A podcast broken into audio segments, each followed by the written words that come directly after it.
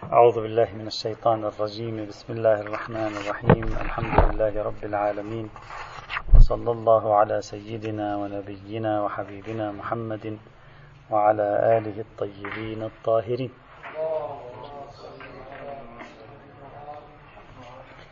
وصلنا إلى الفصل الثالث من فصول البحث في الأطعمة والأشربة. وعنوانه الجوامد أو الأعيان الجامدة. قلنا البحث عمدته يقع في محورين أساسيين. المحور الأول الأعيان النجسة والمتنجسة والمحور الثاني الطين وما يلحق به.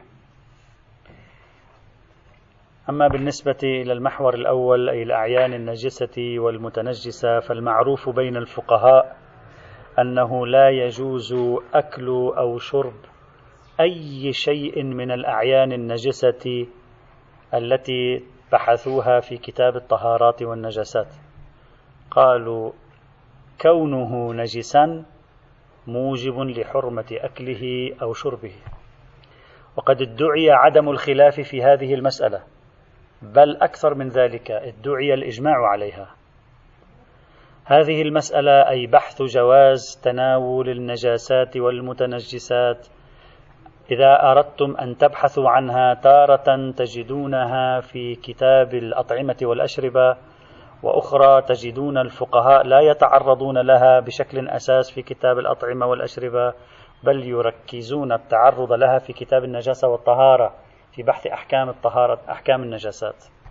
فلذلك يجب علينا أن ننظر في آرائهم واستدلالاتهم تارة نأخذها من بحث أحكام النجاسات. وأخرى نأخذها من بحث أحكام الأطعمة والأشربة. وبحث النجاسات وأحكامها وأحكامها هو بحث مفصل طويل عند الفقهاء بخلاف بحث الأطعمة والأشربة مع الأسف الشديد فهو بحث يكاد يمرون عليه في الغالب سريعا ولا يهتمون به بل هو شبه مهجور خلال القرن الأخير قلما تجد من بحث بالتفصيل في مسائل فقه الأطعمة والأشربة على مستوى التدوين يعني. طيب. قبل أن نبدأ بالحديث عن ما الدليل على أن الأعيان النجسة بما هي أعيان النجسة حرام؟ وما الدليل على أن المتنجسات حرام؟ لابد أن أشير إلى موضوع مهم جدا لنفهم الفكرة التي نحن بصددها الآن. نحن هنا إخواني الأعزاء نبحث في أن الشيء بعنوان كونه نجسا حرام. لا بعنوانه. بعنوان كونه نجسا حرام. يعني عنوانية النجاسة له هي التي توجب حرمته بنحو العلية التامة.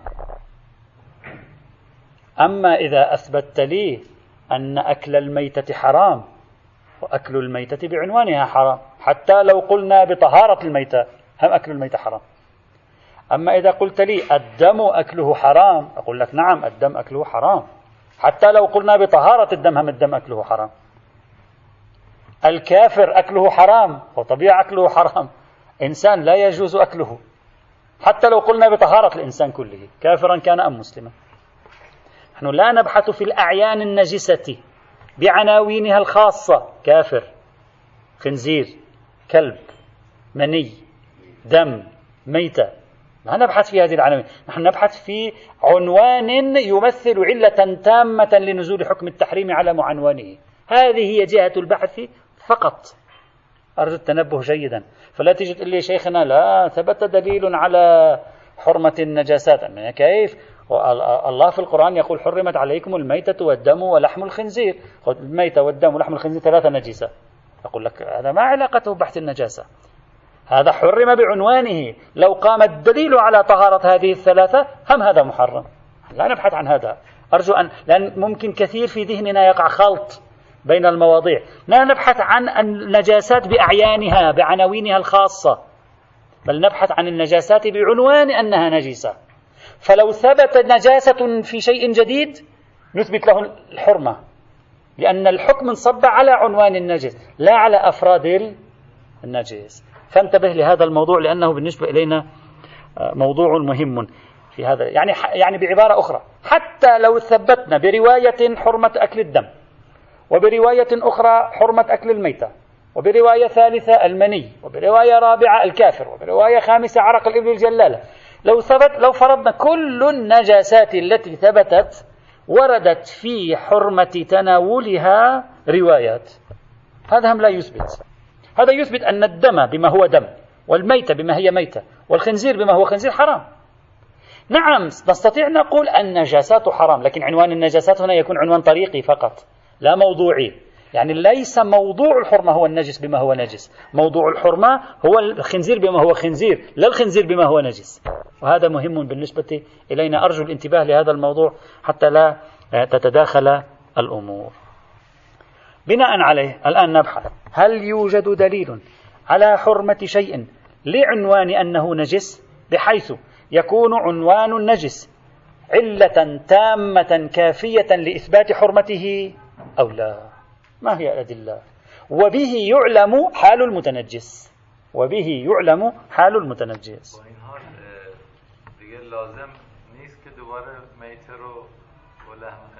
لا لا نريد نبحثها. لا نريد نبحثها إلا إذا تعطيني دليل هذا سنستعرضه. إلا إذا تعطيني دليل أن تحريم الشريعة لخمسة نجاسات بإلغاء الخصوصية تشمل سائر النجاسات. هذا بعدين سنبحثه. هذه شيء آخر. طيب الآن ما هو الدليل؟ توجد عدة أدلة هنا في المقام. الدليل الأول الاستخباث. قالوا النجاسات خبائث والخبائث حرام أكلها. نتيجة؟ النجاسات حرام أكلها. هذا استدلال قياسي منطقي. الكبرى حرمة أكل الخبائث الصغرى النجاسات خبائث النتيجة حرمة أكل النجاسات. استدلال بسيط واضح وجلي تعرض له غير واحد من الفقهاء المتأخرين. طرح هذا الاستدلال في كلمته. إلا أن هذا الاستدلال يمكن أن يخضع لثلاث مناقشات. المناقشة الأولى وهي مناقشة مبنائية فقد بحثنا سابقا في الفصل الأول من هذا البحث عن كبرى حرمة الخبائث وقلنا لا يوجد دليل قاطع وحجة ومعتبر على أن كل ما هو خبيث فهو حرام وكل ما هو من الخبائث فهو حرام. قلنا لا دليل على هذه والآية القرآنية العمدة التي استدلوا بها قلنا يوجد احتمالات تفسيرية متعددة فيها والاحتمال التفسيري الذي قالوه أصلا مرجوح ورجحنا في حينه الاحتمال التفسيري الذي طرحه الإمام الخميني. إذا تذكرون. إذا هذا نقاش كبروي يعني المبنى. قد يكون النجاسات من الخبائث لا دليل على حرمة الخبائث. هذا أولا ثانيا ماذا تقصدون من أن النجاسات من الخبائث؟ ماذا تقصد من هذه الكلمة؟ هل تقصد أن كل ما هو نجس فهو خبيث شرعا؟ يعني دليل نجاسته يحقق عنوان الخباثة عليه ولو بالتعبد والاعتبار. هذا الاحتمال. إذا كنت تقصد هذه المداخلة الثانية الآن إذا كنتم تقصدون من أن من المقدمة الأولى في الاستدلال كل نجس خبيث. أن الشريعة بجعلها عنوان النجاسة على البول مثلا. تكون قد اعتبرته خبيثا بالتعبد والاعتبار. فيلحقه كل أحكام الخبيث ومن جملة أحكام الخبيث أنه لا يجوز أكله. هذا تفسير محتمل للمقدمة الأولى في الاستدلال هنا. إذا كنتم تقصدون هذا فهذا ليس صحيحا على مبانيكم. لأنه النجاسة لا تساوي جعل النجاسة على الشيء جعل عنوان النجاسة على الشيء اعتبار شيء ما نجسا لا يساوي الخباثة المطلقة فيه يساوي أقصى الخباثة النسبية القياسية يعني بالقياس إلى ما معنى هذا الكلام؟ لأن غاية ما هو له علاقة بالنجاسة في الفقه هو أن هذا الشيء النجس لا تصلي فيه. العبادات المشروطة بالطهارة لا يجوز لك أن تصلي فيها بغير طهارة. فالنجس ليس عنوانا يحقق مفهوم الخباثة المطلقة على الشيء يحقق مفهوم الخباثة في العبادة. فقط. هذا هذا مبانيكم أنتم. يعني هذا مباني الفقه. مباني الفقه أن لما أنا أقول لك كلمة نجس لما الشريعة تقول أنا اعتبرت البول نجسا معنى ذلك حكم واحد. العبادات المشروطة بالطهارة يجب أن تتجنب هذا الشيء فيها. ولذلك يجوز الإنسان يكون ملابسه نجسة يعمل بملابس نجسة يصعد إلى الجبال بملابس نجسة يسافر بملابس نجسة ما في مشكلة. لم يقل أحد في مشكلة أصلا. الشريعة ليس عندها مشكلة مع النجاسة. مشكلة على مستوى الإلزام. الشريعة فقط عندها مشكلة أنك تصلي بنجاسة. تتوضأ بنجاسة. تطوف لباس الإحرام نجس. تصلي صلاة طواف الإحرام نجس. هذه غير ذلك أصلا ما عندنا أثر للنجاسة في الفقه. الأثر الثاني للنجاسة في الفقه هو باب الأطعمة والأشربة فقط اللي هو محل الدعوة اللي هو محل الدعوة. وإلا لا يوجد أثر آخر لباب النجاسة. إذا لا أستطيع أن أدعي كلما اعتبرت الشريعة شيئا ما نجسا. إذا هي أعلنت اعتباره خبيثا من جميع الجهات. غاية ما أستطيع أن أدعي. كلما اعتبرت الشريعة الشيء نجسا فإذا هي تعتبره بالنسبة للعبادات لبعض العبادات. بالنسبة لبعض العبادات خبيثا. غير ذلك لا تستطيع أن تعدي. هذا ضرب من القياس. إذا في المداخلة الثانية نقول مجرد اعتبار الشريعة شيئا ما نجسا لا يساوي أنه خبيث بعنوان مطلق حتى ندرجه في الاستدلال المدعى في المقام. هذا الدليل أو المناقشة الثانية. المناقشة الثالثة.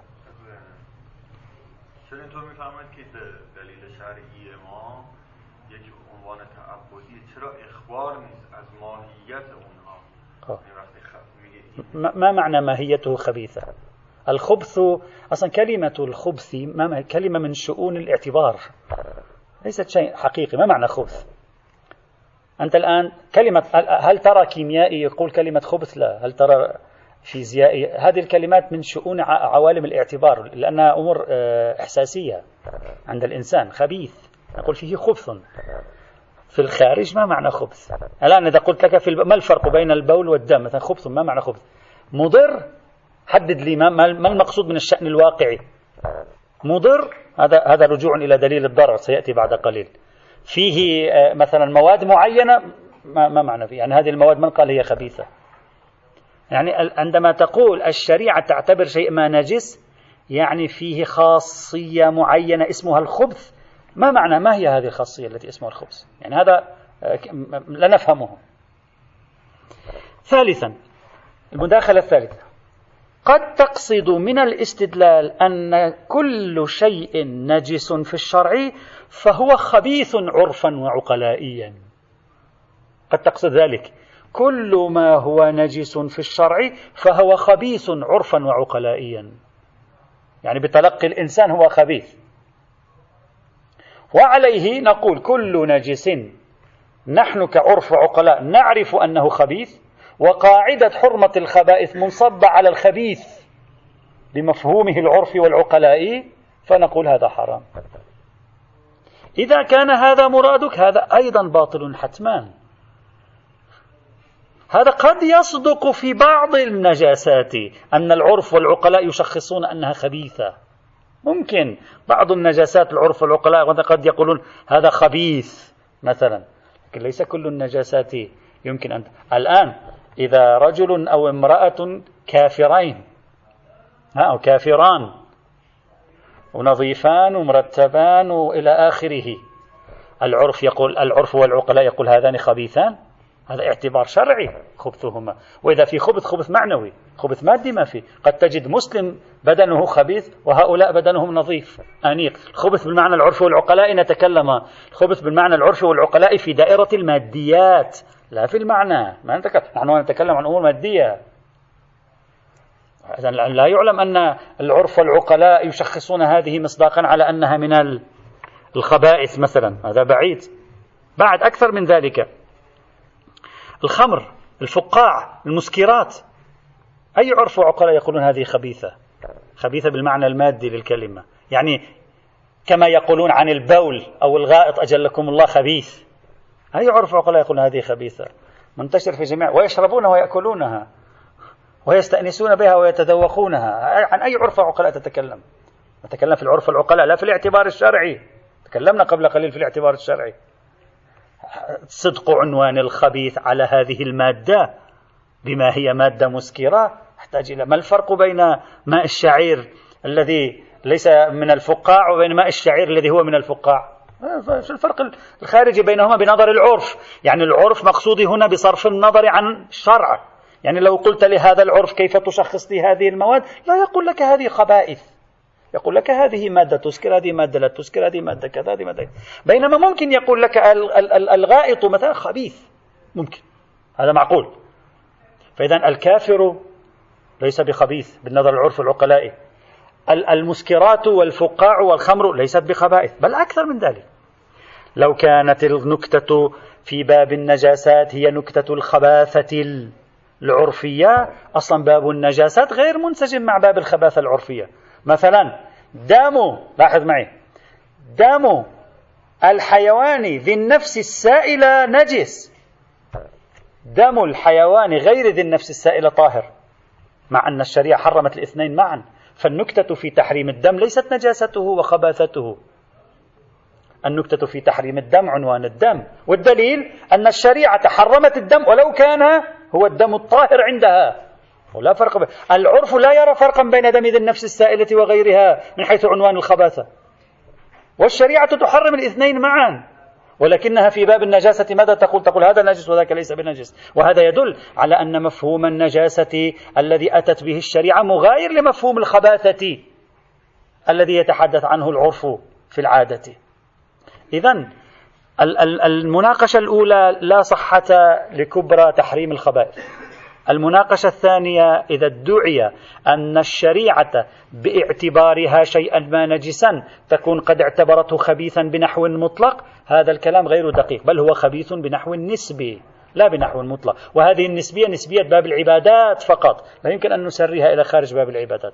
ثالثا إن قصد أن كل ما هو نجس عند الشرع فهو عند العرف والعقلاء خبيث فهذا محرز البطلان. إذ كثير من الأشياء أو بعض الأشياء على الأقل التي هي نجسة عند الشرع ليست خبيثة عند العرف والعقلاء لا تصنف. ولذلك يميزون يقولون مثلا البول والغائط خبيث بينما الكافر النظيف بدنيا والمسكرات ليست من الخبائث. وهذا دليل على أن مف... أنه لا يصح أن أقول كل نجس عند الشرع فهو خبيث عند العرف. كل نجس عند الشرع فيصنفه العقلاء خبيثا. أصلا هذا مخالف للواقع الخارجي.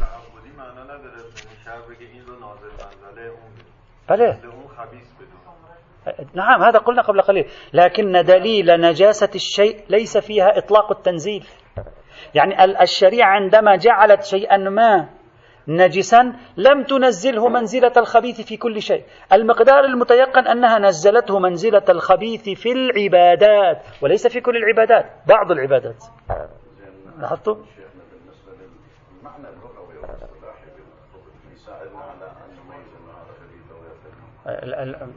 نعم. مثلا في عرفنا بعض المرات لما نشوف إنسان متصرف في شيء يعني في أمر معين يقولوا له أنت خبيث.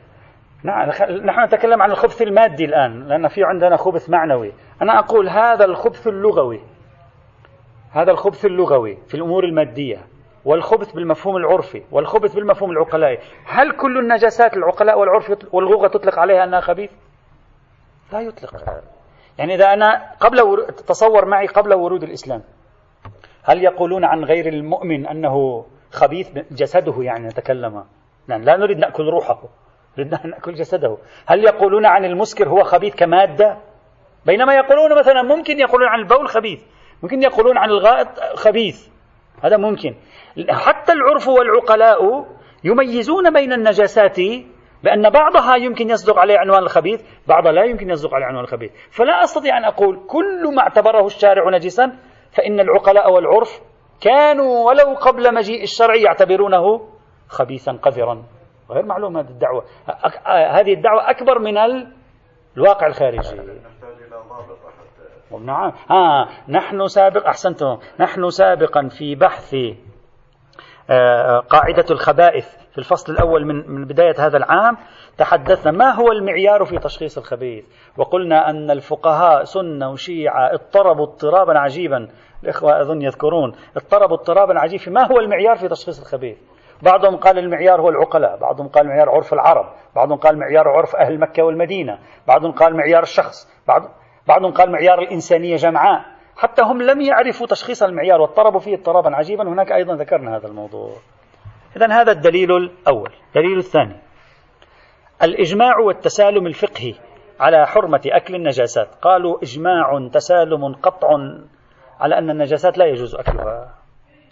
هذا طبعا هذا الإجماع لو تم يعني لا نريد نناقش في صغر الإجماع واضح هذا الإجماع مدركي ليس مط... ليس م... نظن أصلا نكاد نطمئن أنه مدركي لأن الأدلة الأخرى موجودة في المقام دليل الخبائث وقد استندوا إليه موجود في المقام الروايات الخاصة التي ستأتي معنا بعد قليل هم أيضا موجودة في المقام بعد احتمال أنهم اعتمدوا في تحريم أكل النجس على شيء تلقوه من المعصوم. بعيدا عن هذه الأدلة احتمال ضئيل. هذه الأدلة بمرأة منهم ومسمع بل ذكروها في كتبهم أيضا بعضهم على الأقل. فما ليس عندي دليل يثبت أن هذا الإجماع إجماع تعبدي كاشف عن موقف المعصوم. لعله إجماع مدركي اجتهادي وبالتالي لا يكون حجة في هذا الإطار. هذا الدليل الثاني. إذا ثبت الإجماع طبعا. دليل الثالث. ما ذكره بعض الفقهاء بعض قليل من الفقهاء قالوا النجاسات مضرة. فيحرم تناولها لأنه يحرم تناول كل ما يضر بالبدن. هذا. هذا طبعا إذا ثبت أن النجاسات أبدا ودائما مضرة بضرر معتد به كما بحثنا في موضوع الضرر في الفصل الأول من هذا البحث إذا ثبت لا بأس. لا المدعي قام أعطانا أدلة علمية على هذا الموضوع ولا نعرف من أين أتى يعني بشيء من هذا القبيل. هل فعلا كل ما هو نجس فإنه مضر بالبدن؟ ولو بمقدار قليل منه مضر الضرر الحرام يعني الضرر المعتد به عند العقلاء. لا أي ضرر أي ضرر. قول ليس بمحرم. ناقشنا مسألة الضرر سابقا. هذا أولا يحتاج إلى إثبات. لم يثبته لم أجد أحدا أصلا أثبته. ولم أجد شيئا يثبت أصلا أن كل ما هو نجس بعنوان أنه نجس فهو مضر دائما ضررا معتدا به يكون محرما. فهذه دعوة أكبر من حجم إثباتها. فلا يمكن البناء على ثم لو ثبت هذا لا يثبت حرمة النجاسات بما هي نجاسات يثبت حرمة المضر.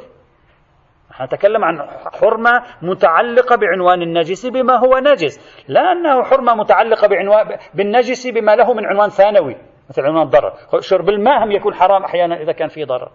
لا, لا نبحث عن هذا الموضوع.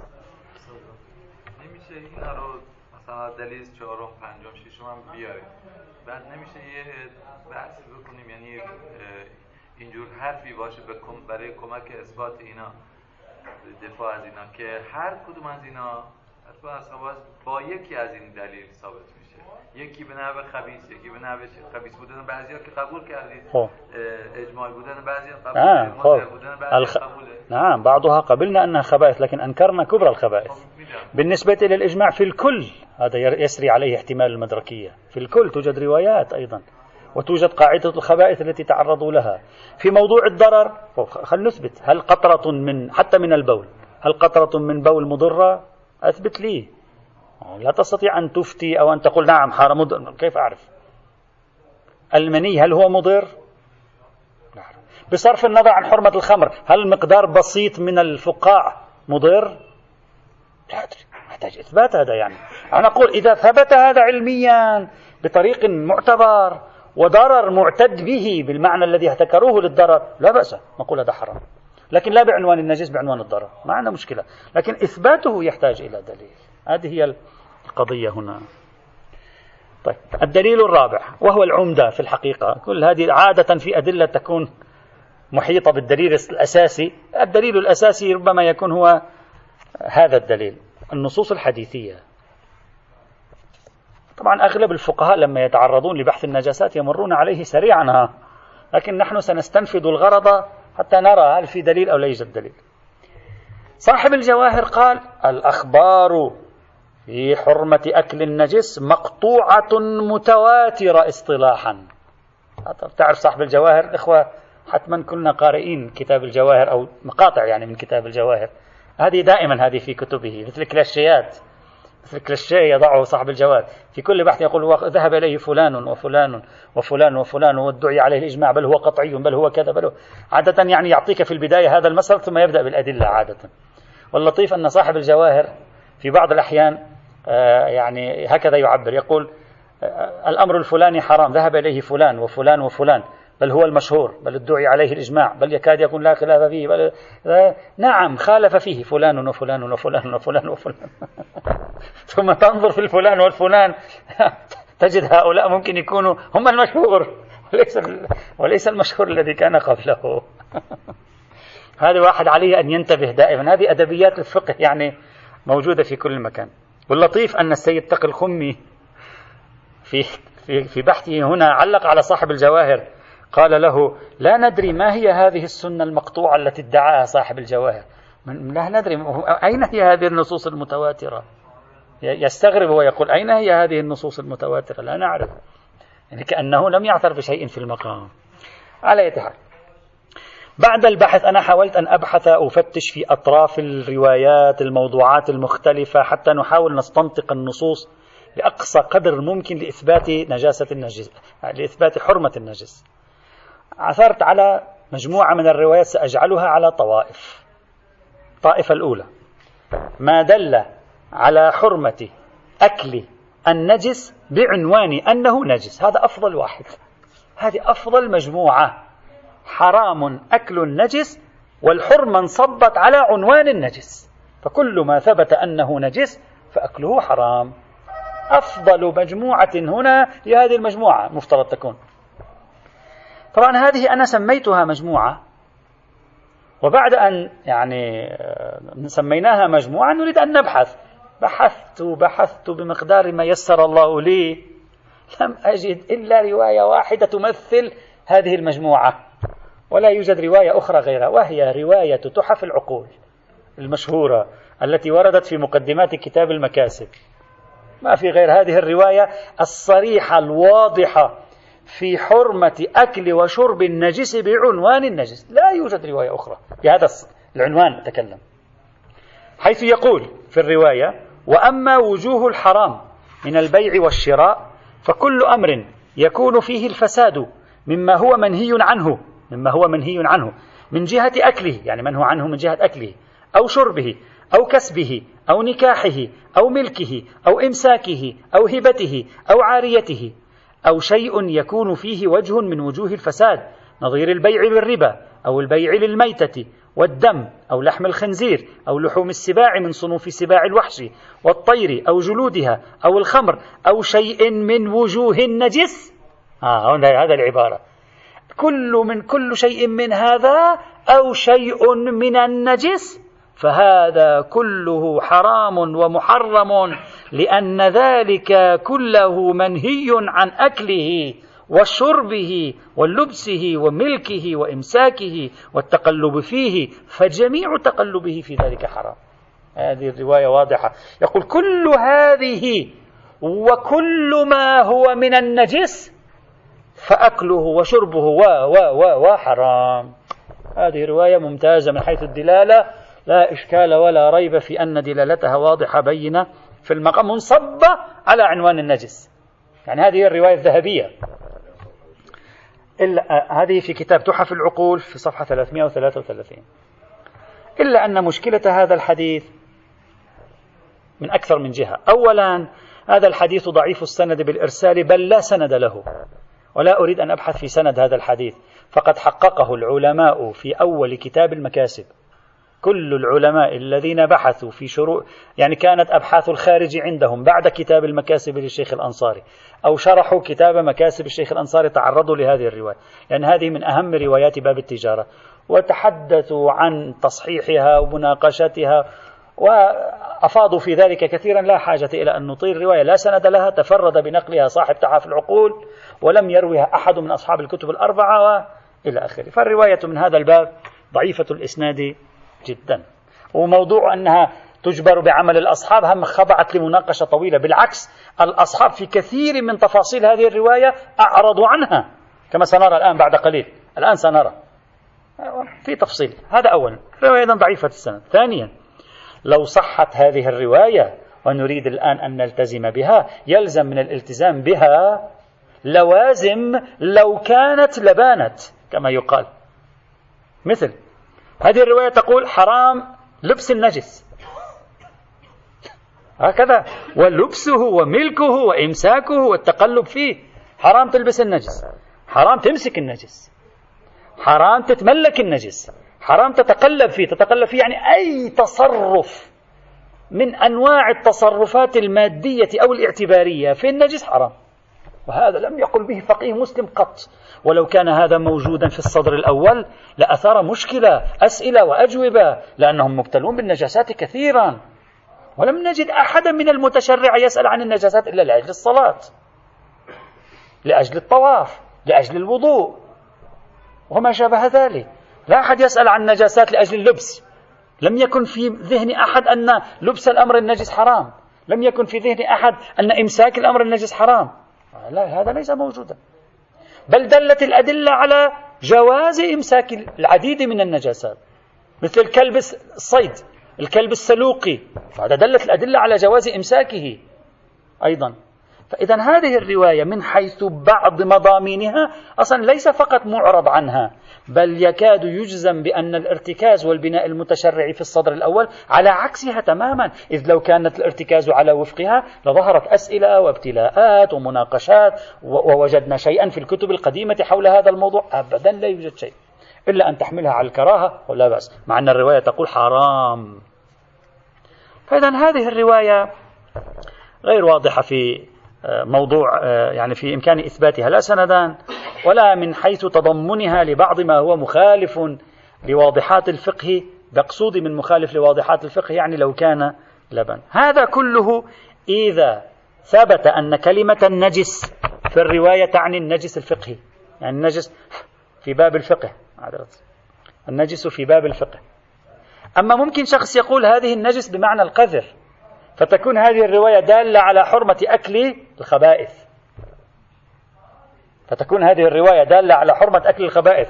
يعني نحمل كلمة النجس على المدلول اللغوي فتكون الرواية دالة على حرمة أكل الخبائث. فما كان من النجاسات من الخبائث يحرم وما لم يكن من الخبائث لا يحرم. فلا تستطيع الرواية أن تدلنا على تحريم النجس بما هو نجس بالمعنى الفقهي لكلمة النجس. وعليه فالاستدلال بهذه الطائفة الأولى التي مع الأسف لم نعثر فيها. حاولت أن أعثر على رواية ثانية حتى أجعلها طائفة لكن ما صار فهذه جعلناها طائفة الممثل الحصري والوحيد لها هو هذه الرواية. الطائفة الثانية. ما دل على النهي عن أكل أليات الغنم. ألية الألية هي مؤخرة الغنم التي من الدهن تكون. بفتح الهمزة وليس بكسرها. كثيرون يقرؤون إليا هي خطأ ليست إليا هي الأصح لغويا ألية وجمعها آليات والتثنية عادة أليتان يعني كل مخلوق له أليتان كما يقال. ما دل على النهي عن أكل أليات الغنم إذا فصلت عن الغنم حال حياته. أنت مثلا الغنم هو حي أنت تقوم بقطع أليته خاصة خاصة بعض الأغنام يكون لها ألية كبيرة مكان الذنب يعني يكون ألية كبيرة. فيقومون بقطعها حال حياتها. ورد في الرواية أن هذه لا يجوز أكلها. طيب ما هو الوجه في ذلك؟ الوجه فيه أنه ميتة نجسة. فيكشف ذلك عن حرمة كل نجس. إذ لا وجه لتحريم هذه إلا أنها نجسة بعنوان أنها ميتة. فنستكشف من ذلك أن كل نجس حرام. إذا خلاصة الاستدلال. دلت الروايات على حرمة أكل أليات الغنم المقطوعة من الغنم قبل وفاته وموته قبل ذبحه. ولا معنى لهذا الحكم إلا أن يحرم أكلها لأنها نجسة بعد أن كانت ميتة. لماذا؟ لأن العضو المبان أي المنفصل من الحي يلحق بالميتة فيكون نجسا. فلأنها نجسة حرمتها الشريعة. هذا وهذا فيه مجموعة من الروايات أصلا لا نريد أن نطيل فيها فقط أعطي الفكرة حتى لا نطيل. إلا أن هذه الطائفة من الروايات أيضا لا تدل في المقام. وذلك أن أقصى ما تدل عليه هذه الروايات أنك إذا قطعت ألية الغنم صار العضو المبان من الحي ميتة. الميتة حرام بعنوانها. أنت كيف عرفت أن هذه حرام بعنوان أنها نجس؟ ما هي حرام بعنوانها. ما علاقة هذا ببحث النجاسات؟ بعضهم أشار إلى هذا إلى هذه الروايات استشهد بها. هذا لا علاقة له ببحث النجاسة هذه الأليتان إنما حرمتا بالفصل والقطع بسبب أنهما ميتة فإن المبان من الحي ميتة أو يلحق حكمه بحكم الميتة لا بسبب أنهما نجس. فلو قلنا بطهارة الميتة هم يحرم. يعني حتى لو شخص قال أن الميتة طاهرة هم هذا يحرم؟ لأن الحكم انصب على عنوان الميتة لم ينصب على عنوان النجس. وإثبات أن حرمة الألية بسبب أنها نجس يحتاج إلى دليل. لا يوجد دليل أصلا لا يوجد كلمة نجس هنا. وإنما هو مربوط ببحث الميتة والميتة حرام بعنوانها بنص الكتاب والسنة كما هو واضح. ويدل على ذلك. يشهد لما نقول أن أجزاء من الميتة حكم بطهارتها مع أنه لا يجوز أكلها. فهناك كثير تقريبا على عند بعض الفقهاء 10 أو 12 جزء من الميتة حكم بطهارته. القرن والظلف وما لا تحله الحياة. قالوا هذه طاهرة مع أنه لا يجوز أكلها. لأن الميتة بجميع أجزائها محرمة. فإذا لا تلازم بين كون الشيء نجسا ميتة نجسة وبين حرمته. الميتة حرام الأكل ولو كانت طاهرة. فالميتة النجسة حرام لأنها ميتة لا لأنها نجسة. كما صار واضح. والدليل على ذلك أن هذه الميتة حتى لو حكمنا بطهارتها هم تحرم. مثل الصوف مثل القرن وما شابه ذلك. إذا هذه الطائفة أيضا أجنبية عن المقام. الطائفة الثالثة. ما ورد في تطهير الطعام الذي تسقط فيه النجاسة. ورد روايات أنه إذا سقطت نجاسة في طعام لا يجوز أكل هذا الطعام. يجب أن تطهره. وهذه ممتازة هذه. إذا كان الطعام الذي سقطت فيه نجاسة لا يجوز لي أن آكله بالطريق أولى أن النجاسة لا يجوز أكلها. وهذا واضح. لأن المفروض أن مبرر التحريم هو سقوط النجاسة فيه وهذا كاشف عرفي عن أن النجاسة لا يجوز أكلها. ممتازة هذه المجموعة. جميلة جدا. يمكن لنا أن نستعين بها في هذا المجال. هذا استدلال جيد عرفي رائع. لكن المشكلة أننا قمنا بمراجعة كل روايات هذه الطائفة المبعثرة في الأبواب. ووجدت أن كل الروايات التي تتكلم عن سقوط نجس طبعا هي لا تعبر بنجس نحن نعبر بنجس. بالمناسبة إخوان الأعزاء كلمة نجس لم ترد في الروايات إلا نادرا. هذا مصطلح فقهي وليس مصطلح روائي. نادرا وخاصة وردت في, حول الكلب. أنه نجس.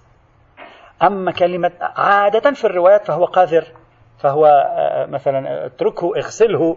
هكذا فهموا عنوان النجاسة. فعنوان النجاسة في الفقه استنباطي تصيدي انتزاعي لا أنه مذكور في الروايات. فأنا الآن عندما أقول إذا سقطت نجاسة في الطعام الرواية حرمت أكل الطعام الرواية لم تقل سقطت نجاسة في الطعام. الرواية لم تقل ذلك. نحن نصطلح عليه أنه نجس. طيب فتشنا هذه الروايات. رأيناها كل هذه الروايات تتكلم عن وقوع ميتة في الطعام. قال لا تأكل الطعام إلا أن تخرج تنظفه من الميتة. قل الميتة حرام بحد نفسه. ما ينفعنا هذا. يعني إذا وقع محرم الأكل في داخل أكل آخر لا يجوز لك أكل الطعام كله إلا أن تنظف الطعام الأول من الطعام المحرم. ما علاقة هذا ببحث النجاسة؟ هذا علاقته ببحث حرمة أكل الميتة. فلا يجوز أكل الميتة. فلكي نتحفظ عن أكل الميتة نقول لا تأكل الطعام الذي وقع فيه ميتة. لأن بعض جزيئاته يمكن أن تنزل في هذا الطعام. فتحفظا عن أكل الميتة. حرمت أكل هذا الطعام. بعض الروايات في الميتة. بعض الروايات في الخمر. قالت إذا سقط خمر على طعام لا, لا تأكله إلا أن, أن, أن, أن تطهره. إلا أن تغسله. طبعا حتى كلمة التطهير ليس دائما تستعمل. إلا أن تغسله. هو طبيعي. لأن المفروض أن الخمر صار داخل الطعام. فلكي نحذر عن تناول ولو جزيئات صغيرة من الخمر التي تشدد الشرع فيها. قال لا تأكله هذا من قال هذا عنوان النجاسة؟ ما الميتة لها عنوانها الخاص في الشرع. دل الدليل على حرمة أكلها. الخمر هم دل الدليل. كذلك بعض الروايات ورد فيها الفقاع. والفقاع خمر. ملحق بالخمر. بعض الروايات ورد فيها فأرة ميتة. نفس الشيء ميتة. بعض الروايات ورد فيها أن سقط دم في الطعام الدم حرام بعنوانه. بعض الروايات ورد فيها سقط جراد ميت. يعني جراد ميت دخل في الطبخ. هذا لازم لازم تغسل. حتى لا يكون هناك أجزاء من الجراد. يمكن أن تكون قد بقيت له ميتة. إذا لو راجعنا جميع هذه الروايات في الطائفة لرأينا ترجع إلى التحفظ عن عنوان الميتة عنوان الخمر هذا بشكل أساسي عادة نعم والدم ثلاثة. وهذه الثلاثة ثابت حرمة أكلها وتناولها في الكتاب الكريم تقريبا يعني مع, الخمر هم في الكتاب الكريم. فما هو الوجه أن نقول ما علاقة هذا الموضوع بموضوع النجاسات؟ راجعوا الباب 43 والباب 44 من أبواب الأطعمة المحرمة في كتاب تفصيل وسائل الشيعة. إخواني الأعزاء لما تكتب كتاب أو بحث بدك تسوي هامش هذا الحر العاملي لم يؤلف كتاب اسمه وسائل الشيعة ألف كتاب اسمه تفصيل وسائل الشيعة. نحن نكتب وسائل الشيعة. هو ما اسم الكتاب وسائل الشيعة اسمه تفصيل وسائل الشيعة. فلما تكون عندك كتابة أكاديمية اكتب اسم الكتاب بالدقة في سلسلة المصادر. تفصيل وسائل الشيعة وليس وسائل الشيعة. لكن هذا نحن نشتهر بيننا أن اسمه وسائل الشيعة. فالباب 43 44 من أبواب الأطعمة المحرمة في تفصيل وسائل الشيعة. الباب 18 من أبواب الأشربة المحرمة من نفس الكتاب. الباب ثلاثة وثمانية من أبواب الماء المطلق.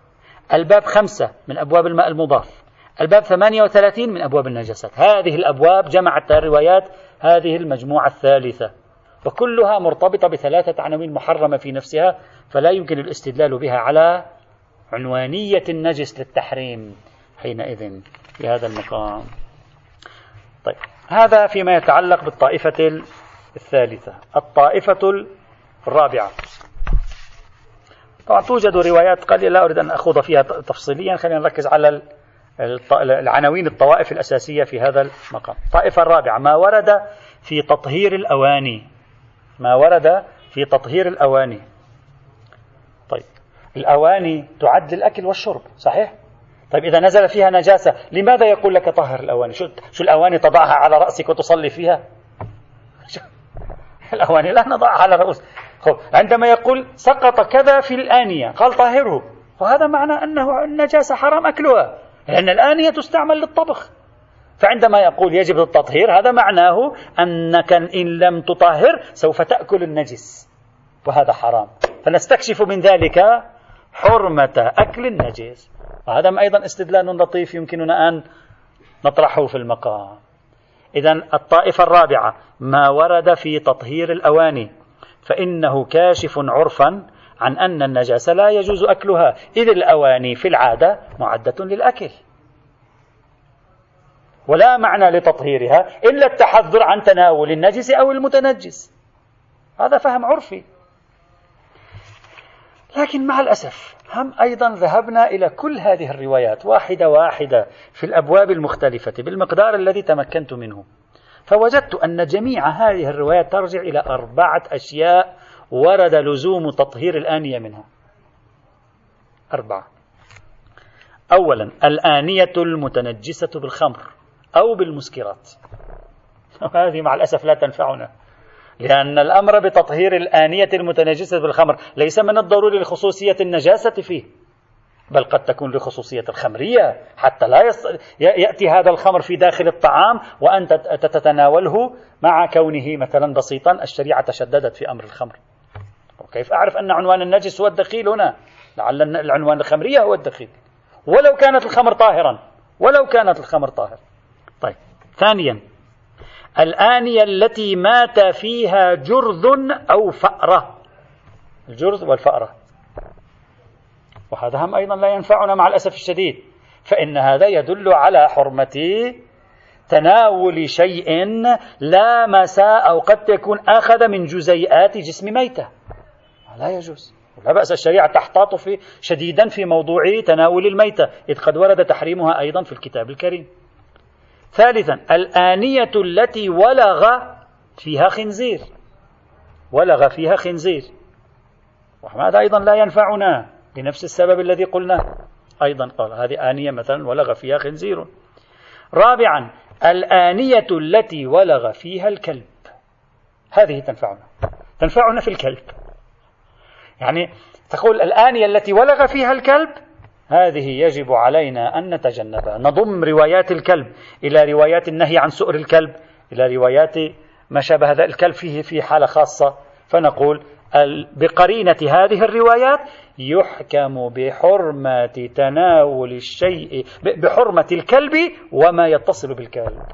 يدل على ذلك. أما هل يمكنني أن ألغي خصوصية الكلب؟ وأقول الكلب ليس إلا لأنه نجس. هذا سنذكره فيما بعد. سنبحث في دليل. هل يمكن أن أقول هنا الخصوصية هنا ليست لكلبية الكلب بل هي لكونه نجسا سنرى فيما بعد. هل يمكن إلغاء الخصوصية أو لا؟ إذا الطائفة الرابعة مفيدة لنا. أضافت تحريم شيء جديد. بعد أن كانت الميتة والخنزير والخمر محرمة الأكل الآن بالروايات التي دلت على تطهير آنية الكلب نستطيع أن نفهم أن الكلب وما يخرج منه وما يكون منه محرم الأكل لأن العرف يفهم من تحريم الشيء الذي لامسه تحريمه هو. فنفهم حينئذ الحرمة. أما هل نلغي خصوصية الكلب؟ سيأتي. سيأتي. هل نستطيع أن نلغي خصوصية الكلبية؟ ونقول الكلب إنما ذكر هنا من باب المثال لي. مطلق النجس هذا سيأتي إن شاء الله تعالى. خب. على مبانيهم هم الخنزير كله حرام. خب. نستفيد منها في باب الخنزير لا بأس. نعم نعم. نعم نعم. طبعا طبعا. طيب. فرمودید که سگ که چیز بکنه یعنی هنوز نجاست سگ ثابت لا لا. نفرض أن النجاسة ثابتة. نفس أن يقول لي لا يجوز لك يعني يجب عليك تطهير الآنية آنية الطعام التي ولغ فيها الكلب. يفهم منه العرف أنه إذا كان لعاب الكلب لا يجوز لي أن أتناول طعاما مسه فهذا معناه أن الكلب وما يخرج منه لا يجوز أكله أو تناوله. هذا هو الفهم المدعى. سواء حكمنا بنجاسته أو لا بصرف النظر. المهم هذا ثبت لي التحريم هنا هنا. فإذا هذا هذه الطائفة الرابعة. الطائفة الخامسة. ما دل على تحريم الحيوانات الجلالة المتغذية على الغائط. فإذا كان الجلال بتغذيه على الغائط صار حراما. حتما الغائط حرام. إذا الحيوان صار حرام بسبب أنه أكل الغائط. كيف يكون الغائط حلال؟ قد واحد يقول لك هذا يعني بالأولوية العرفية يفهم الإنسان من روايات باب الجلال التي مرت معنا في الأيام الماضية يفهم أن الشريعة ترى حرمة تناول الغائط. إذ, إذ تحرم تناول الحيوان الذي اعتاش على الغائط. فكيف لا تكون تحرم الغائط نفسه؟ تريد أن تسميها فهم عرفي تريد أن تسميها أولوية عرفية ما شئت أولوية قطعية ما شئت فعبر. فإذا نستفيد أيضا من هذه المجموعة من الروايات وهي 12 رواية مرت معنا سابقا نستفيد منها إضافة شيء جديد وهو حرمة تناول الغائط. هل يمكن نلغي الخصوصية عن الغائط؟ لكي نثبت مطلق النجس؟ سيأتي. إذا هذه مجموعة أيضا تفيد. إذا حتى الآن ماذا استفدنا من المجموعات الخمس؟ أقصاه استفادة حرمة أكل الكلب هذه إضافة جديدة وهو من النجاسات. بل حتى لو ثبت أنه من أنه طاهر هم يحرم. واستفادة حرمة أكل الغائط. هذه اثنين يمكن أن نسرق إلا أن الاستدلال بموضوع روايات الحيوان الجلال قد يواجه مشكلتين. المشكلة الأولى قد يدعي شخص تأملوها جيدا. يقول ما في أولوية في المقام؟ أنت تعرف الغيب يعني؟ لعل طبيعة لحوم الحيوانات إذا أكلت الغائط واعتاشت عليه. أنت لا تتكلم عن أنها أكلت مرة واحدة. اعتاشت عليه أياما وليالي. لعل هذا يفسد لحمها. يصبح لحمها مضرا. وأين هذا من حرمة أكل الغائط أجلكم الله؟ ولو بمقدار غير مضر بالإنسان. هذا قياس. أنت تقيس هنا. لعل طبيعة اعتياد الحيوان في خصوصية الاعتياد. اعتياد الحيوان على أكل الغائط يوجب فساد لحمه. أما من قال أن مجرد أكل الإنسان للغائط بلا أن يكون اعتياد وبلا أن يثبت العلم أنه مضر يكون حراما في الشرع. قد شخص يناقش في هذه الأولوية. قد تقول أنت هذه النقاش جيد قد تقول لي هذا النقاش يا أخي شوية دقي اتركه. هذا أولا. ثانيا سلمنا. سلمنا بأنه توجد أولوية. لكن أولوية تثبت ماذا شيخنا العزيز؟ تثبت حرمة أكل الإنسان لغائط الإنسان فقط. لأن الجلال فقط مرتبط بالغائط الإنساني. هذه جاء الغائط الإنساني. لا إله إلا الله. هذا صار آه، كلمة الإنساني توحي بالتكريم. ف يعني مدفوع الإنسان. لأن الجلال فقط مرتبط بمدفوع الإنسان. ليس مرتبط بمدفوع الحيوانات. إذا فلا أستطيع أن أتمسك بقياس الأولوية أو أتمسك بمفهوم الأولوية أو أتمسك بالأولوية القطعية هنا عند العرف وأقول يفهم منها حرمة أكل جميع النجاسة. كل غائط نجس. فإنه ليس كل غائط يحرم الجلال بتناوله. فإذا الدليل يكون أخص من المدعى في مثل هذه الحال حتى لو سلمنا بالأولوية. هذه المجموعات الروائية الموجودة في المقام خمس مجموعات روائية. مع الأسف الأولى والثانية والثالثة لا تنفعنا في شيء إضافي. الرابعة آه، الخامسة هم أيضا فيها ما فيها على أي حال. إذا أردنا أن نثبت شيئا جديدا نثبت حرمة تناول أكل الكلب بعنوان الكلب حتى الآن ونثبت حرمة المدفوع مدفوع الإنسان فقط بالحد الأدنى. الآن فيما بعد سنرى هل يمكن إلغاء الخصوصية لإثبات مثلا لو ثبت عند الفقيه نجاسة عرق الإبل الجلالة؟ هل هذا معناه أنه نحكم بحرمة أكلها؟ هل تستطيع من هذه الروايات أن تحكم بحرمة أكلها أو هذا قياس؟ هذا سنبحثه إن شاء الله تعالى. تفضل سيد.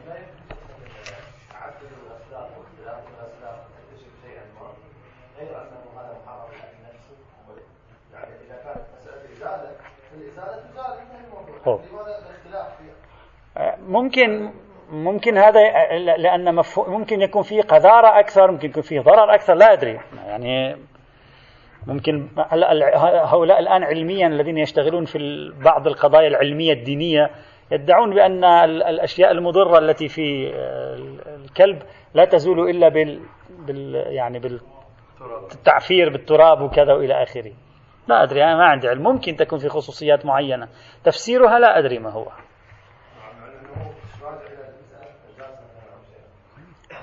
راجع إلى مسألة النجاسة أو راجع إلى مسألة بقايا منه لا تزول بحيث لا يجوز أكلها. والحمد لله رب العالمين.